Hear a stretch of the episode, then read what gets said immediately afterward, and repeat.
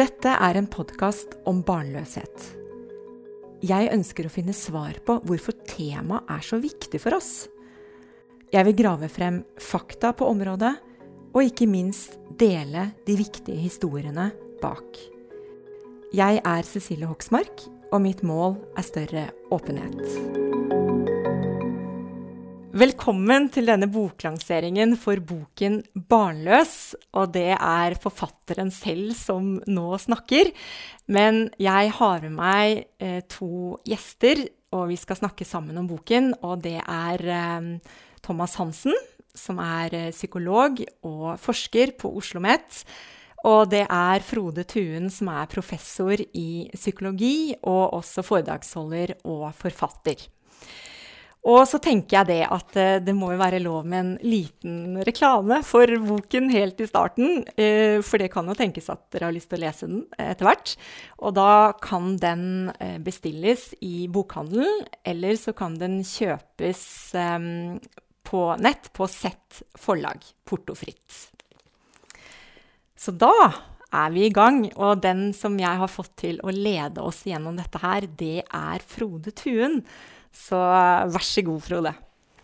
Ja, tusen takk for det, og tusen takk for at du eh, spurte meg om å liksom, lede denne samtalen. For jeg har jo lest boken, jeg har til og med også skrevet et lite forord i den. Og, og syns at dette er en veldig interessant eh, problemstilling som, eh, som jeg syns er fint å få anledning til å snakke med deg og, og med Thomas, som, som har forsket på, det, på disse spørsmålene. Så jeg kan jo begynne kanskje først og fremst be deg om å si litt om bakgrunnen for boken.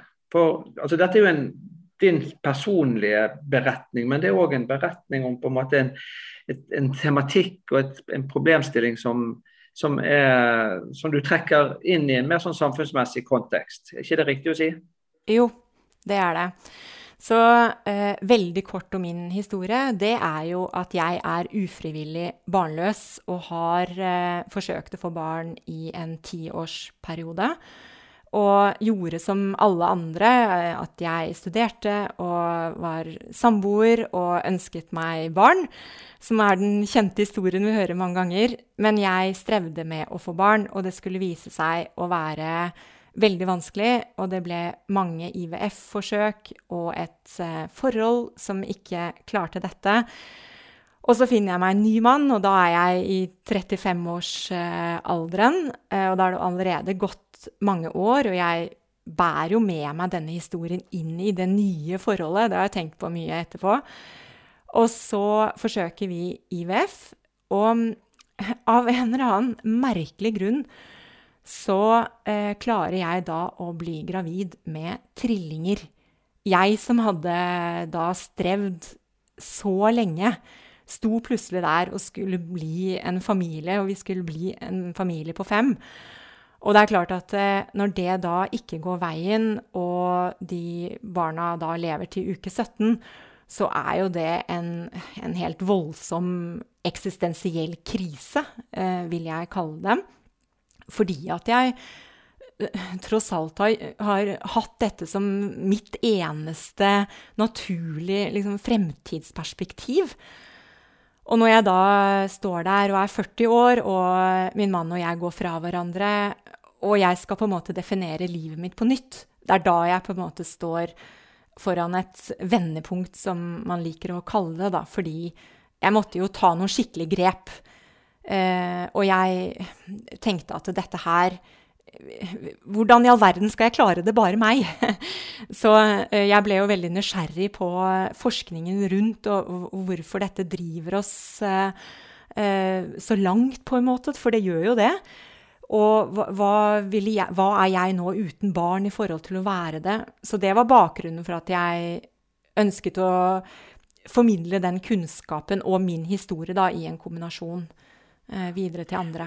Og jeg tenker Vi skal gå litt eh, inn i en, en, del av de opplevelsene eller erfaringene som du har gjort. Vi kan kanskje ikke ta alt, for det er jo et, et stort lerret. Men, men uh, før vi gjør det, så har jeg lyst til å høre med deg, Thomas. Um, det som du nå hører fra Cecilie, og som du vet fra før, um, er det en kjent historie, eller er dette typisk for, for barnløse? Hva, hva vil du si om det? Nei, Det er en kjent historie. Det er jo en av de liksom, tyngste overgangene man kan, eller opplevelsene man kan ha. på en måte. Det, det blir jo ofte beskrevet som en livskrise. Så det er jo en sorg, og eh, mange føler seg litt mislykka. Og man må på en måte forsøke å forsone seg med det og gå videre og sånn. Og for mange så er det et veldig langt eh, og, og bredt eh, lerret å bleke. da, Og det kan være veldig ja, en vanskelig prosess. og eh, For mange så kan det ta lang tid, og for noen så vil, det, vil du ha det med deg for resten av livet. Men eh, forskninga viser jo tross alt at de fleste synes da å, å komme seg videre da, og finne på en måte andre mål og mening i livet, og andre kilder til, eh, ja, til eh, mening, identitet, støtte, tilhørighet og sånne ting. sånn at så det er på en måte den gode nyheten. da, at uh, For de fleste så synes det å gå over. da, som uh, ja, det, det, faller jo inn i den forskningslitteraturen som ser på en del sånne andre tyngre livsoverganger. da, Eller tyngre hendelser i livet, f.eks. Uh, helseproblemer og blir skilt eh, og at partner dør osv. At, eh, at eh, livskvaliteten synker betraktelig da, selvfølgelig i de første tida. Men så synes de fleste å gå tilbake til det mm. nivået man hadde av livskvalitet fra før hendelsen. Sånn, at, sånn er det litt med det med barnløshet òg. At, ja, at de fleste synes da å gå tilbake til sitt vante nivå av livskvalitet da, etter en ja, en periode. Som, en, det, men det er jo ekstremt individuelt. da, sånn at uh, Som sagt så er det jo noen da, som, som, vil bære på en sorg og et savn resten av livet. Mm. Jeg tenkte Vi skal gå litt mer inn på, på forskningen også, men uh, jeg har lyst til å gå litt tilbake til Cecilie først. og, og bore litt mer i, i din opplevelse. Da. Så, for du, du, hadde jo dette ønsket om å, å, å bli mor. Og du reflekterte over liksom, hvor er det ønsket kommer fra. Altså, er, det, er, det en, er, det, en, sånn biologisk drift vi har, eller er det et samfunn som skaper disse forventningene? Si litt om hvordan du tenkte om det, eller hvordan du har reflektert om det nå i ettertid. Ja, jeg kan jo legge til at jeg er biolog, så det var jo veldig naturlig for meg å tenke at dette her er et sterkt instinkt i oss, at det er derfor dette gjør så vondt. At det er derfor man ikke finner noe Vi sliter jo Eller hva skal jeg si, menneskeheten har alltid slitt med å finne mening med tilværelsen, så jeg har jo ofte tenkt at uh, det er en naturlig fortsettelse, og det er en naturlig del av det å bli voksen. Um, men egentlig så hadde jeg aldri noe sånn eh, rosa drøm i prinsessekjole, og at jeg skulle bli gift og ha en stor familie. Jeg var aldri helt der. Men likevel så var det, akkurat som det å ta utdannelse og finne seg en kjæreste, så var dette også en sånn slags pakke eller en, en vei man, man fulgte. Um, men når jeg har lest om dette her, da, om dette barneønsket, så viser det seg jo at det er en større del av en kulturell eh, faktor inn i bildet. Altså at vi kjenner det igjen fra vår egen oppvekst. Vi ser andre rundt oss som får barn og familie. Og det virker som på en måte det som er en litt sånn normaliteten for hvordan man lever livene sine. Så alt annet blir jo en slags unormal eh, tilstand, da, eh, om du vil. Men eh, det har jo fortalt meg ganske mye, og jeg, og jeg, vet jo ikke hva som på en måte er best og verst av det, da. Fordi det er klart at eh, den kulturelle faktoren er jo veld, veldig en sterk og du kan jo føle på det selv også, at det til slutt er et behov hos deg selv. Mm. Mm. Ja, det, I praksis kan det være vanskelig å skille. Ja. Mm. Men, eh, men, i hvert fall så, så, ble det da et veldig sterkt behov etter hvert. Og, og uh, si litt om de litt mer om de erfaringene som dere da innledningsvis merket. altså Når, dere, når ikke barnet kom, sånn som, eller graviditeten kom sånn som, sånn som, man gjerne forventer at det skal liksom komme seg selv, nærmest. Ja. Eh, jeg har tenkt på at eh, jeg nok bar på en ganske stor eh, skamfølelse. Og en stor skyldfølelse for at min kropp ikke strakk til og at det var jeg som eh, Og nå ble jeg, kjenner jeg blir litt rød, for jeg syns det er veldig vondt å, å, liksom skulle på en måte bære det. Jeg kan kjenne det igjen nå. Eh, men jeg var nok ikke så bevisst på det da. Jeg klarte ikke å sette de ordene på det da som jeg gjør nå. Men jeg skjønner jo det, at jeg tenkte det, og det er kvinnens kropp, og det var nok kanskje jeg også som var skyld i problemet. Og jeg, jeg syntes det var vanskelig å takle, og jeg følte at jeg ikke var som andre. Jeg følte meg um, som en slags feilvare, uh, om du vil. Mm. Ja, det var litt dette du var inne på, Thomas, òg, at, at, uh, at det, det, kan gå utover på en måte selvbildet eller opplevelsen av seg selv. Er, er det en vanlig erfaring som, som du ser i, i, forskningen din? Ja, det, det, er jo det. Det er jo en uh, veldig sterke kulturelle føringer her. da, og folk blir på en måte I de her barneglade vestlige kulturene så er det jo en sterk føring om at man skal ha barn, og at det er på en måte det normale livsløpet. og det sterke personlige og sosiale forventninger om å få barn. Så det er jo selvfølgelig en stor skuffelse når man, da, når man skjønner at man ikke kommer til å få det, og ikke kommer til å leve på en måte det normale livsløpet som man uh, har sett sånn fram til. Så det går jo på en måte selvfølgelig på bekostning av selvfølelse og, og sånne ting. Og, og, psykiske plager kan det gi og, og sånne ting. I hvert fall da, på, på, kort sikt. Uh, som jeg var mm. inne på, så synes de fleste da å å finne på en måte andre kilder til selvfølelse og mm. engasjement og, sånne ting. Så det at uh, Vi ser ikke noe særlig langsiktige konsekvenser generelt i forskninga. Men, uh, men, når det er sagt, så er det jo noen små effekter hit og dit. og, og i den, i, Basert på Nordlag-data så fant vi at særlig kvinner da, hadde litt høyere selvfølelse og litt uh, litt høyere livskvalitet hvis de hadde barn. Men eh, mm. i hvert fall de som var i 40-50-60-årene. Og så spilte det liksom ikke så stor rolle blant de eldste da, om de hadde barn eller ikke. Men det var litt sånn små positive effekter på, på kvinners uh, selvfølelse. Mm. Ja.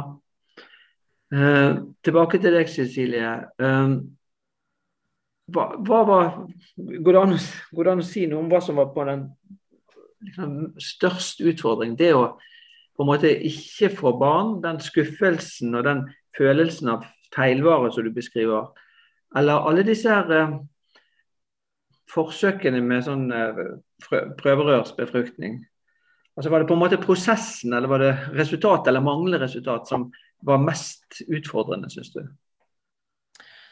Um, jeg har lyst til å si at det er en kombinasjon, da. Så sniker jeg meg unna spørsmålet.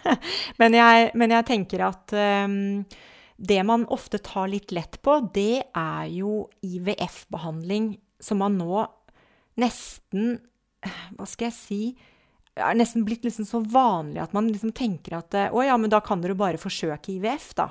Man liksom slenger bare det ut uten å egentlig forstå at det man går igjennom, er jo å bygge opp en selvtillit og en glede og, og, alle disse hormonene, og så får man satt inn et befruktet egg. Det er jo egentlig ganske litt sånn groteskt, på en måte. Og så, og så, vet man ikke om det blir et barn eller ikke, og da går du der i ukevis og lurer til du får et svar. Og hvis det svaret er nei, og hele tiden nei, og neste forsøk er nei, så er det klart at hva, hva er dette for noe, liksom? Man bygger seg opp, og omgivelsene har en sånn enorm tro, og bare neste forsøk så, så ordner det seg, ikke sant? Men det er på en måte Det er noe falskt over akkurat det der, fordi du kan ikke vite utfallet. Så det er en positivitet som er godt ment, eh, og som du også gir deg selv. Men ja, jeg vet ikke om jeg klarte å forklare det så godt, men eh, det er Jo, jeg syns det, det, gir mening. Og litt av grunnen til at jeg spør, er jo fordi at altså, de som på en måte ender opp med å være ufrivillig barnløs, er jo en mindre gruppe enn alle de som faktisk går gjennom en sånn eh, prøverørsbefruktning, eller IVF, er det det det kalles for? Ja. IVF, ja. Eh, så, sånn at her er det snakk om ganske store grupper da, som på et eller annet tidspunkt går gjennom den prosessen. Og, og noen lykkes da, og, men det er en god del som ikke lykkes. Ja. ja. Det var vel litt sånn at man på en måte aksepterte skjebnen sin litt lettere tidligere. At man uh, man på en måte godtok det litt lettere. Mens i dag så er det jo sånn at man har ekstrem sånn tiltro til eh, teknologien og helsevesenet, og at man tenker at det løser seg jo til slutt, liksom. Eh, og jeg har jo gått samme løypa som Cecilie, da, og, og med IVF og mye mislykka forsøk og sånn. Man, man, får jo på følelsen av at, uh, at, alle andre lykkes til slutt, men at man sjøl på en måte er den eneste som, som står igjen. Sånn at Ja, det er jo litt sånn. Man har høye forventninger, særlig dagens, eh, med dagens eh, teknologi og tilgang på IVF og diverse andre ting. Så, så regner man jo med at det ordner seg til slutt. sånn at eh, Det bidrar jo på en måte til å forsterke den følelsen av skuffelse og, ja. og mislykkahet på et vis. da. Mm. Ja. ja. vet du noe om hvor, hvor, hvor, altså, Vi vet noe om hvor mange som er ufrivillig barnløse når de er 40 eller 45, men vet vi noe om hvor mange som går gjennom som IVF-behandling i løpet av eh, den perioden hvor man prøver å få barn? Mm, vel, jeg, jeg, kan ikke si at jeg har de tallene, også, men, uh, men, vi vet jo hvor mange som er barnløse. og Det er jo ca. én av, uh, av uh, fire menn, tror jeg nå, omtrent. sånn at vi har jo de tallene, og, men det man ikke vet, fordi det er jo sensitivt å spørre om sånn at store populasjonsundersøkelser spør jo ikke om hvorfor du er barnløs. og Vi vet jo ikke helt eh, hvor mange prosent som er frivillig barnløs, men eh, det er jo en antakelse om at den andelen har økt litt de siste årene. For det har blitt litt mer sånn sosialt uh, godkjent. på en måte. Det var mer stigma knytta til å velge det bort før. Um, men uh, jeg, jeg, tenker at de, de aller fleste som er barnløs er jo på en måte ufrivillig av en eller annen grunn. Da. Det, fortsatt så er det jo sånn. fordi eh, vi vet jo at nesten 95 av eh, unge voksne planlegger å få barn. og eh, ja, den ufrivillige barn, barnløsheten handler jo i stor grad om en, på en måte en sånn kjede av utsettelser, litt som Cecilie var inne på. at man man, start, man, flytter hjemmefra senere enn før, starter senere med utdannelse, får seg mm. partner senere. Og så skal man på en måte leve livet med karriere, og man har alle de her opplevelsene og reisene og sånn man vil ta. Og så starter man da litt for seint og kanskje får et partnerbrudd på toppen der. og så så det er sånne type omstendigheter da, som har gjort at eh, barnløsheten har økt veldig de, de siste tiårene. Mm. Ja, du nevner partnerbrudd. og Tilbake til deg, Cecilie. Det, det var jo også noe som du erfarte ganske tidlig, og, og, igjen på et litt senere tidspunkt. Kan du si noe om det? altså Hvordan påvirker denne prosessen både det å gå gjennom alle disse mislykkede forsøkene, men òg det at man på en måte ikke lykkes med å få barn? Hvordan virker det inn på parforholdet? Hva er din erfaring der? Mm. Um, nå får jeg snakke for meg selv, fordi jeg har jo også lest at uh, at det, det, finnes faktisk par som kommer nærme hverandre i en sånn situasjon også. Eh, men, det, men, det, vises jo også at de aller fleste sliter jo veldig, da.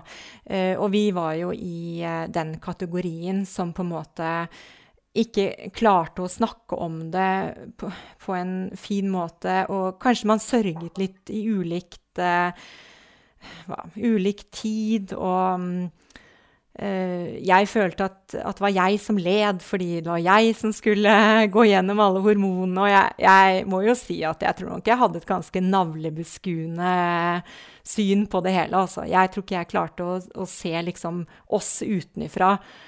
Og i ettertid så skulle jeg jo selvfølgelig ha mm, tenkt mer at hvor er vi nå som par? Hvor, hvordan er vår relasjon, og hvordan snakker vi med hverandre? Og, og hvis, da, hvis, svaret var nei, det er jo ikke så bra, så burde man ha tatt et par steg tilbake og så snakket sammen og liksom fått dette på rett kjøl igjen. For det var jo som at jobb nummer én var jo å få det barnet, og hvis det ikke ble noe barn, så var det kanskje ikke noe forhold. Og det er jo ganske Hva skal jeg si Det er jo skummelt å ta opp sånne ting med partneren sin.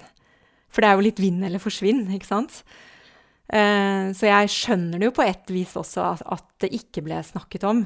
Men jeg tror jo også det var veldig ødeleggende eh, for oss. Ja. Det er jo en interessant parallell. For det, det å få barn skaper jo også krise i en del, i en del parforhold. Den overgangen til å bli foreldre, det som kalles for 'transition to parenthood', er forbundet med økt risiko for samlivsbrudd og redusert samlivstilfredshet for 15-20% eller noe sånt. Selv om det i utgangspunktet er noe man ønsker. Så både fraværet av barn og tilstedeværelse av barn er en utfordring for, for uh, parforholdet. Og, og, spesielt i den, den perioden hvor, hvor, hvor, barnet da ikke kommer, eller barnet akkurat er kommet. Mm. Ja, det, det, Der er det jo relativt mye forskning som bekrefter det du sier, at, at livskvaliteten går veldig ofte litt ned da, i starten. Og, og ikke minst par, parforholdets kvalitet og mm. sånne ting. Og, Så det er på en måte mange foreldre altså Det er jo en del barnløse som sliter, og sånn, særlig i, i, den tidlige fasen. Men, men, det er jo mange foreldre som sliter òg, ikke liksom til tross for at de har barn, men pga. barna. da, De kommer jo med en del kostnader både for eh, seksualliv og parforhold og sånn, men også liksom mer sånn psykiske forhold til bekymringer og irritasjon og alt det der. Og kanskje økonomisk og, og ja, de er jo litt sånn lykketyver i forhold til å, å, ta beslag på din uh, tid og frihet, da, på en måte. Sånn at uh, det er liksom pros and cons med begge måtene å leve livet på, da. Mm. Ja, det, jeg tenker at det er interessant. altså sånn, Både inngangen til foreldreskapet, da, eller det som da eventuelt ikke blir et foreldreskap, men òg eh, utgangen. altså Når, når barna flytter ut, og sånn, så, så, som du sa i sted, så er det jo veldig små forskjeller mellom, eh, mellom mødre og, og fri, eller eh, barnløse kvinner. og Jeg vet ikke om de har gjort lignende studier for menn, men i hvert fall for mødre så er det ganske små forskjeller. Og ja. Handler det om at altså Det er et savn der etter barn, men samtidig så er, bringer jo barna også mye utfordringer og bekymringer og skuffelser og alt som følger med. Ja, det, det, sies jo at du er jo bare like så lykkelig som ditt minst lykkelige barn. så det er jo noe med det, De påvirker deg veldig. ikke sant? Så Hvis en av barna dine har noen problemer, så har jo du òg det. på en måte. Pluss at barna bringer med seg kanskje en del skuffelse òg. Når de har flytta ut, så kanskje de ringer en gang iblant, men eh, du har på en måte ikke den kontakten du kanskje hadde ønska. Sånn at du det fører en del sånne type både bekymring og litt sånn skuffelse med seg, kanskje. Pluss at, eh, pluss at i, i, i, hverdagen så har kanskje ikke barna så veldig mye å si. da. De, eh, la oss si at de er innom av og til og ringer en gang iblant, så, så, er det kanskje ikke det som er det viktigste bidraget til den sånn hverdagsgleden din. Da. At det, er, det er mer de hverdagskontaktene og partnerskapet. Mm. og ja, hvordan du har det med venner og familie, nei, venner og partnere og sånne ting som, mm. som er viktigere. da. Mm. Ja, det er jo interessant sånn, og i forhold til det Tilbake til deg, Cecilie. altså at, um, at du var inne i ditt eget hva var det du sa, din egen boble. ikke sant? Jeg vet ikke om det er det uttrykket du brukte. Men... Navlebeskuende, var det kanskje? Navlebeskuende, ikke sant? Mm. Uh, mens altså, Er det en lærdom altså at hvis man klarer å ta et skritt tilbake og tenke sånn så at okay, enten kommer det barn, eller så kommer det ikke barn, men livet mitt kan være bra allikevel, uansett, liksom. Altså at Da vil også denne besettelsen eh, om å få barn vil reduseres, og skuffelsen over å ikke få barn vil reduseres. Har, har du gjort deg noen tanker om det, eller? Ja, jeg har, jo, jeg har, jo, et ønske med dette prosjektet mitt, å, å, å, skape et bilde i den retningen som du nå uh, sier. Fordi det er jo noe med at uh, vi tror at bare man får barn og blir en familie, så skal mitt liv ordne seg, og alt skal bli så bra. Men det er jo noe du ikke vet. Eh, og det er ikke sikkert det er svaret. Og vi vet jo at um, lykkeformelen, som kanskje Thomas kommer inn på senere, ikke nødvendigvis handler om det, men hvordan du selv har det, og, og nære relasjoner osv. Så, videre. så jeg ville jo tenkt at eh, hvis det er et par som har funnet hverandre, og som er en utrolig god match, og gode sammen, og tenker at de to kan ha et godt liv sammen, så syns jeg det skal være mål nummer én. Og da må man hele tiden ta vare på det. Og det tror jeg kan være ganske krevende. Men jeg tror det også er veldig styrkende for, for parforholdet. For da gjør man seg kanskje litt mer uavhengig av at ikke de nødvendigvis må bli familie for å ha det bra, men at det er de to sammen. Så um, ja. Mm. Ja, interessant.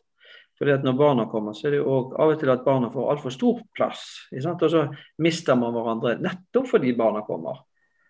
Um, og Hvis man da kunne ha på en måte kanskje litt mer fokus på, på forholdet, enten man er barnløs eller har barn, så, så, kan man kanskje komme gjennom det eller ha et godt forhold, uavhengig av om, hva som skjer på, på barnefronten. Altså. Mm. Mm. Ja, du altså Thomas, hva, du har jo sett litt på lykke sånn generelt, eller lykkeformelen, eller hva man skal kalle det for. Eh, hvor dette med barn da ikke er det avgjørende. Si, si litt mer sånn generelt om hva som gjør at vi blir lykkelige eller mindre lykkelige i livet. Går det an å si noe sånn generelt på det? Ja, vi, vi studerer jo liksom ulike sider ved livskvaliteten. Da.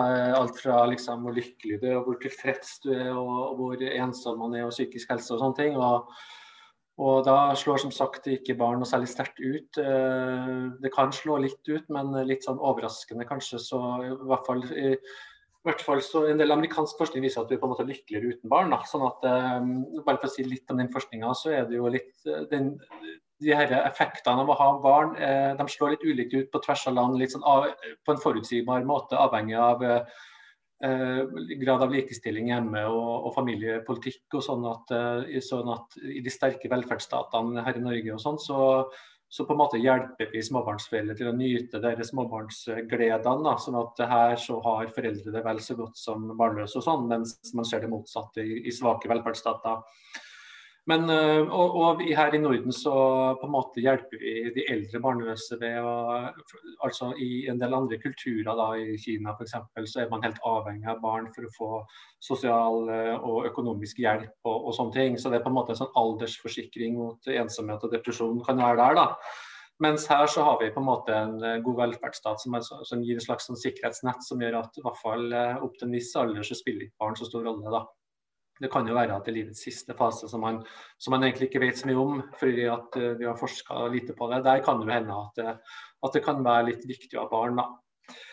Men uh, altså, hva, som, hva, hva, er viktig for livskvaliteten? Jo, det er jo å fylle de her grunnleggende behovene vi har. Altså for mening og for sosialt samvær, støtte og være til, kunne være til stede for noe, noen andre enn seg sjøl. Og, ja, og få anseelse, status og um, ja, og sånne ting. Og ha noe å engasjere seg i. Og barn kan jo selvfølgelig være en kilde til det. og det, det er vel derfor vi har det sterke innebygde på en måte behovet eller driften mot å få barn. For vi ser på barn som et sånn veldig effektivt mål for å nå, for å tilfredsstille de behovene. Jeg tenker at særlig det med kanskje ha en slags flokk å tilhøre. Da. At barn på en måte gir en slags forsikring mot, uh, mot ensomhet og, og isolerthet. Um, så det, kan, det, er nok en sterk drift. Men altså, det som forskninga bekrefter, er jo at de her behovene kan jo vel så gjerne tilfredsstilles gjennom andre kilder og relasjoner. Da, sånn at uh, de her, um, altså, Jeg jobber på FHI nå, Folkehelseinstituttet. Uh, Cecilie jobber på Oslo OsloMet innledningsvis. Jeg, jeg, jobber på begge steder nå. da. Men her på, her på, FHI så har vi en sånn hverdagsgledekurs hvor vi da legger vekt på ulike ting. og Det å være aktiv, det å knytte bånd. eh, hjelpe andre, være til stede i andres liv osv. Og, og, um, og det, det, er jo de tingene der da, som forskninga har vist eh, at det gir eh, emosjonelle gevinster og økt livskvalitet og kan beskytte mot eh, psykiske plager og sånn. sånn at eh, Det er om å gjøre å liksom finne de måtene å, å, dekke de behovene på i sitt liv da, ut fra sine betingelser og sine, sin livssituasjon. da. Mm. Og eh, Forskninga viser jo at de barnløse investerer ekstra i parforholdet, venner, karriere ja, de gjør jo mindre husarbeid f.eks., så det er liksom fordeler og ulemper. da, og, og, at de da på en måte kompensere eller finne andre kilder til mm. å, å, dekke de psykologiske behovene vi alle har. Mm. Ja, Cecilie, hvor, hvordan har du taklet det? For du kom jo til en slags erkjennelse på et eller annet tidspunkt at nå vil du ikke gå rundt og bruke tiden din og oppmerksomheten din på å få barn. Nå vil du vie livet ditt til andre spørsmål eller andre ting. Si litt om den mm. overgangen, eller hvordan du på en måte kom frem til den erkjennelsen, og hva den, hvordan, hva den går ut på. Ja. Nå har den i og for seg vart noen år, så det høres eh, kanskje ut som jeg har gjort veldig mye på kort tid, men la oss si at det har gått over en femårsperiode, eh, vil jeg kanskje si. Fordi i starten, når jeg var eh, 40 år, så syns jeg det var veldig vanskelig å skulle sette en sluttstrek. Og jeg tenkte jo at det var sunt å gjøre, men det er jo veldig forstyrrende når folk da spør om jo, men du kan jo fortsatt få barn, og du kan jo dra til Danmark, og Det var som om på en måte at aldri den døren bare kunne lukkes. Og for meg så var det det som skulle til for at jeg kom meg videre. Og da måtte jeg lukke den døren selv, for godt. Og det tror jeg var en, en bra ting eh, å gjøre. Og når den var lukket, så kunne jeg på en måte tenke at nå har du muligheten til å fylle livet ditt med andre ting. Nå må du, nå må du gå ut og, og se hva, liksom Åpne øynene for alt. Vi bor i verdens sikkert beste land å leve i. Det er trygt, vi kan gjøre det vi vil, vi har ressurser. Det er på en måte ikke noen mm, unnskyldninger for ikke å, å, å klare å gjøre, ha, få et godt liv. Så jeg meldte meg jo på masse kurs som gjorde at jeg møtte nye mennesker, ikke sant, og, og traff også likesinnede, som jeg i dag har blitt gode venner med. Så det var jo noe med å gjøre noe selv for å rive seg løs fra den litt sånn statiske, vonde eh, livet som jeg da hadde. Um, og så synes jeg også at det hjalp å lage denne podkasten og skrive boken, for det var akkurat som om jeg kunne få lov å bidra med noe. Jeg gjorde noe som ikke bare var meg selv lenger, men jeg hevet blikket, og forhåpentligvis så kan dette være med å hjelpe andre. Og den følelsen der, det må jo være en av de beste følelsene man kan oppnå, rett og slett. Så oppi det hele så er jeg på en måte litt glad for at jeg har dette prosjektet, da. Selv om historien Jeg skulle gjerne vært foruten historien. Så har det jo gitt meg en boltreplass og noen muligheter som jeg ser at det, det kan gi meg en stor glede i livet.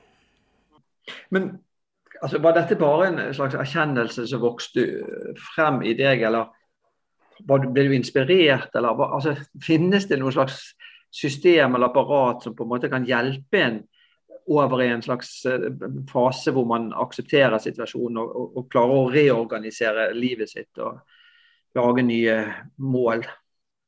Nei, jeg, jeg, vet ikke. Det er sikkert Du vet bedre det enn meg om det finnes en psykologisk eh, skole man kan gå på for å gjøre det. Jeg opplevde jo selv at eh, at jeg syntes det var litt vanskelig, da. Altså, skal man snakke med fastlegen sin? Nei. Jeg kunne snakke med en psykolog, og det kunne hjelpe, men aller Altså, det lå jo hos deg selv. Og det var jo en indre motivasjon også som å komme fra deg selv. Så jeg tenker jo at det kanskje er den sterkeste kraften, da. At du har et ønske om å komme et annet sted, og så har du ressurser og litt guts eh, for å kunne gjøre det. da. Ja, for Det er det jeg tenker at, det har jo du åpenbart mye ressurser og mye guts. Men hvis man har litt mindre av det, og, og så har man den der følelsen av å ikke strekke til, og man har en følelse av å være alene med det. For den ensomheten må jo være ganske sterk i, i sånne sammenhenger, vil jeg tro. Ja, jeg vil i hvert fall si at det er veldig ensomt å miste barn i svangerskapet. For det er det jo ingen som tør å prate om. Og um, de har jo ikke møtt disse barna, så på en måte en forståelse for det. Men uh, den ensomheten føler jeg at jeg må bare ha, ja, være iboende i meg og leve med videre. Um, men jeg, jeg, tror at nøkkelen er åpenhet. Jeg tror at med en gang du føler på at du er liksom skamfull over noe, eller at du ikke strekker til, så tenker jeg at det, det er kanskje da du skal snakke med noen om det. Fordi det er nettopp da du på en måte kan få noen til å fortelle deg at det er ikke sånn. Som liksom vekker deg litt opp fra det der, da. Så kanskje det er eh, løsningen hvis man ikke har um, lyst til å være liksom offentlig og, og, gå ut med det. Så å bruke nære venner. Og jeg skal love deg at du får utrolig sterke bånd til venner når man åpner seg så veldig.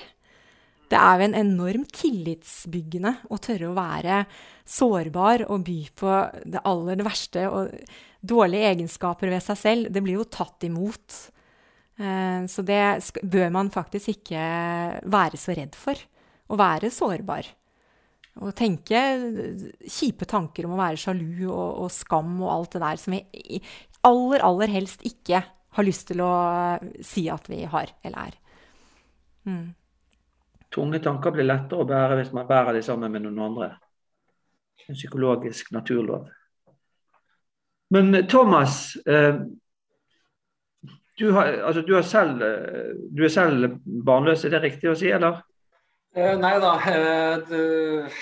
ironisk nok så sitter jeg med fire barn fordi vi ble fosterforeldre til to barn først. Og så og så ble det jammen meg tvillinger på toppen der, biologiske med litt sånn hjelpemidler fra utlandet, skal du si. Og, um, sånn at vips, så satt jeg der med fire barn. Sånn at uh, den der ironien når jeg er i media av og til og påstår at man blir ikke lykkeligere med barn, den uh, får jeg stadig vekk høre i, i lokalmiljøet, da. Men uh, nei da, men har men, men, du har hatt erfaring med det å, å, å prøve å få barn og ikke lykkes? Ja, ja, absolutt. Det var mange år der med på en måte akkurat samme opplegget som Cecilie. Men det er jo en stor forskjell mellom oss på den måten at hun har jo mista et barn. Så versus jeg har jo på en måte en sorg, eller Vi hadde en sorg at vi aldri fikk det barnet vi ønska. Men, men, jeg tenker jo at det er veldig stor forskjell på de to eh, situasjonene der. da. Du har jo, Det å miste et barn er jo noe av det grusomste man opplever. sånn og, og, det å miste et barn som er ufødt, det blir vel eh, Jeg tenker at det blir noe lignende. da, sånn at uh, den, den, typen sorg og forsoningsprosess blir jo litt ulik. da, sånn at Den forskninga som jeg snakker om, det er jo mest sånne ufrivillige barnløse som aldri har fått et barn. Eh, mm. på en måte da, sånn at ja. Men er det, altså ut fra egen erfaring eller ut fra forskning, er det stor forskjell på det å være barnløs kvinne og det å være barnløs mann? Har du noen tanker om det? Ja, jeg tenker egentlig det. fordi det er jo veldig stor, De føringene, uh, kulturelle føringene er jo mye sterkere for kvinner. sånn at det, er, det, er mye, det er mye sterkere forventninger om at kvinner skal få barn. Og, og, og de her overbevisningene som vi ser i forskning at folk har rundt det med å, hvordan man skal leve et fullverdig liv, og hvordan man, uh, hvordan man har det som barnløs osv. De, de, de er litt sånn kjønna. altså de er man har mye sterkere antakelse om at en kvinne da, må ha barn for å leve et sånn eh, fullverdig og berikende liv. Da. Eh, sånn at sånn sett så er det på en måte litt sånn større fallhøyde for kvinnen hvis, det ikke blir, eh, hvis ikke det barnet kommer. Og ja, som sagt I Nordlag-studien så ser vi jo på en måte et svak støtte til det da, at kvinner for det, Der så vi ikke noe forskjell blant menn, men at kvinner hadde litt, selv, litt, bedre selvbilde og litt høyere tilfredshet med livet hvis de hadde barn. Mm.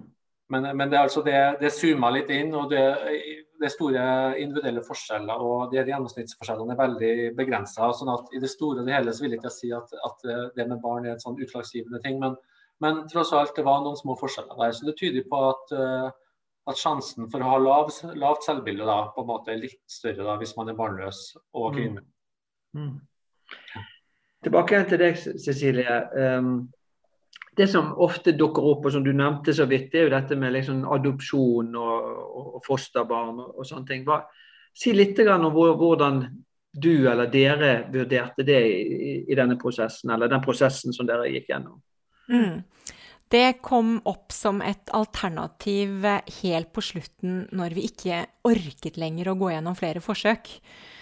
Og det som eh, kanskje er litt synd, hvis det er sånn fortsatt, det er jo at man ikke kan få lov å stå i en adopsjonskø samtidig. Men det ville jo vært en eh, lettet veldig på, på, presset man hadde følt. Så det er klart at da begynte vi jo å bli litt opp i årene. Eh, og vi, forholdet var jo også heller ikke det beste, kanskje, for å kunne være i stand til å ta imot et barn eh, som trengte kanskje mer omsorg eh, enn om det hadde vært født i Norge. Eh, så, og jeg opplevde også På en måte er det litt vanskelig å si om jeg opplevde den prosessen som ikke var veldig på lag med oss, eller om det var jeg som ikke var helt til stede. Er litt vanskelig å si, men det er klart at du skal være ganske så oppegående og ha mye overskudd for å gå inn i en sånn prosess. Og det er også en prosess som nødvendigvis ikke ender med at du får et barn. Og det kan ta veldig mange år. Så jeg har jo skrevet et kapittel om det i boken, da, men dette kan dere ikke bare adoptere i anførselstegn, ikke sant? som jeg tok med, fordi det er også noe som er lett man bare kan slenge ut uten å e, helt skjønne dimensjonen uh, av det. Mm. Uh, vi skal liksom nærme oss en avslutning av denne samtalen. Men jeg har lyst til å utfordre deg litt på, eller undres litt med altså, Hvor er du nå, eller hva, hva, er veien videre? Du har dette prosjektet ditt. Altså, si litt mer om altså, Jeg vet at du, du, har sluttet i jobben din og blitt liksom heltids eh, hva skal vi si, forfatter eller podkaster, eller Si litt om hva som er planer videre. og ja, jeg eh, syntes at det var så givende å holde på med podkasten og gi ut denne boken, at jeg tenkte at dette måtte jeg forfølge en viss tid, i hvert fall. Og så ønsker jeg jo å kunne bidra med å holde foredrag, og kanskje ikke bare om det å være ufrivillig barnløs og min triste historie, men å løfte det opp på at livet har tross alt mange valgmuligheter for oss. Og at det ikke nødvendigvis er det som naboen gjør, eller det som du, foreldrene dine gjør, som er det riktige for deg. Og at livet også kan vendes fra noe som føles ekstremt vanskelig, til noe som kan oppleves veldig positivt på, på relativt kort tid. Og det kan du, kan du faktisk klare på egen hånd. Så jeg det var så mye kraft i det, så jeg vet ikke hvem andre som slutter jobben midt i koronaen. Men det er jo eh, på en måte å ta et steg ut i uvissheten. Men samtidig så er det dette her jeg syns er så gøy. Så det er en enorm drivkraft. Og så får jeg se hvor, hvor det ender. Hva det fører til videre. Ja, det er, en, det er en, eh, et tøft valg å liksom kaste seg ut på, på dypt vann. Eh, men, eh, men, du har i hvert fall fått skrevet denne veldig interessante boken. Nå viser jeg den frem også, som jeg syns har vært veldig interessant uh, som, som uh, familieterapeut og, og, parterapeut å lese. For jeg treffer jo mange av, av disse parene som sliter med å få barn. Jeg treffer en, en del par som, som, på en måte har gitt opp. Og, så det er en problemstilling som jeg møter som terapeutisk ofte. og jeg er jo også forsker og, og, er opptatt av familiespørsmål. sånn at jeg kjenner meg igjen i veldig mange av de temaene du tar opp. Og, og at veldig givende å lese, lese, boken, og interessant å få denne samtalen både med deg og med Thomas. Eh, til, til, deg, Thomas, hva, hva, er liksom veien videre når det gjelder ditt forskningsfelt? Er det noen nye spørsmål som åpner seg, eller som dere nå ønsker å bore mer i, eller finne mer ut av? Ja, jeg, kan ikke si at jeg jobber med det her akkurat nå, men, eh, men jeg er jo opptatt av de spørsmålene. Jeg, jo, jeg føler meg fortsatt som aldersforsker. Eh, jeg har jobba med det i 20 år. og eh, Der er det jo en del ubesvarte spørsmål, f.eks. blant de aller eldste. Da. Det er jo veldig under, underforska generelt, da, de aller eldste, fordi man får jo ikke med dem i, i store befolkningsundersøkelser i særlig grad. og de som ikke bor hjemme, eller de som ikke har som vil besvare spørreskjema og ikke deltar i særlig webundersøkelser. Men ett et spørsmål er jo da hvordan, eh, om det her med barn spiller for økt betydning da, blant de aller eldste, når man trenger på en måte den barn for å få den emosjonelle støtten, og kanskje i, i, møte med helsevesenet som en slags advokat og, mm. og, sånne ting. At det kanskje kan få økt betydning der. Så det syns jeg er interessant. Um, Nei, men ellers så, så, vil jeg også eh, gi honnør for Cecilie for det prosjektet. Jeg tenker jo at det er et ganske viktig prosjekt i og med at det er såpass økt barnløshet eh, nå. da, og, og, det er noe med å, liksom på en måte få mer sånn presise eh, ja, få, få, på bordet litt sånn forskning om hvordan det faktisk oppleves. da, Og på en måte knuse, knuse, noen myter og få og kanskje gi litt sånn uh, informasjon om at det med barn kanskje ikke er svaret alltid, da. At det, det, kan gå greit uten. Og at, ja, at mange, mange, sliter liksom, ikke som sagt ikke på, på tross av, men pga. Av, av de barna. Og der er det jo en, en, en, en rekke forskningsstudier som, som jeg ikke har nevnt hittil, hvor man da intervjuer foreldre i online, altså i der og da, i foreldresituasjonen. Og de, de, kan jo gjerne sitte og si et sånn spørreskjemaintervju at barna er fantastiske og osv.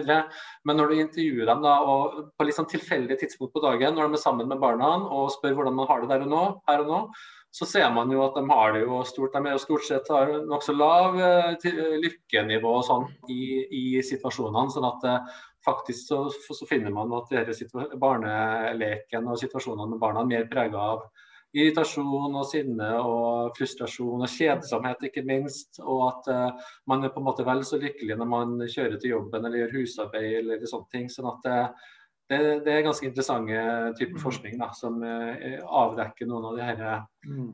misoppfatningene her. da. Mm. og det, det, det, er tankevekkende. Og, og, og jeg tenker at det det er vel noe av det der som, som ligger der som det, det, første spørsmålet ditt, Cecilie. Altså, hvor kommer dette barneønsket fra? Er det, er det, biologien som driver det frem, eller er det våre kulturelle forestillinger?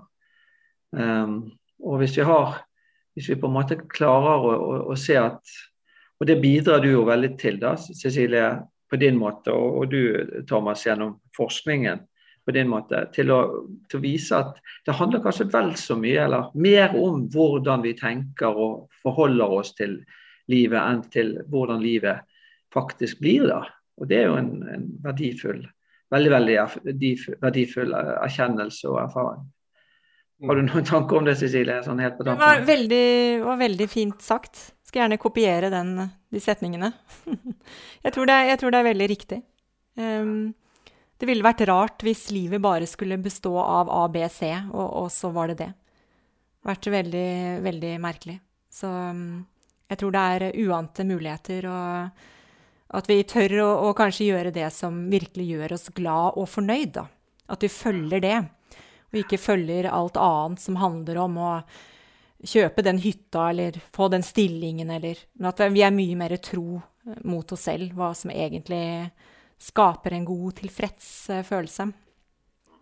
Her ligger det en idé til en ny bok, kanskje? Kanskje. Ja. OK. Det får, vi, det får vi snakkes om på et senere tidspunkt eventuelt. Men uh, takk for uh, praten om denne boken. Den, uh, det har vært veldig givende, syns jeg. Og håper at det har vært hyggelig og givende for dere. Og for de som etter hvert skal se på dette, så håper jeg at, at uh, man får litt nye innblikk, eller et nytt innblikk, og bedre innblikk enn det kanskje man hadde i utgangspunktet. Ja. Takk, Frode, og takk, Thomas, for at dere stilte opp. Tusen takk.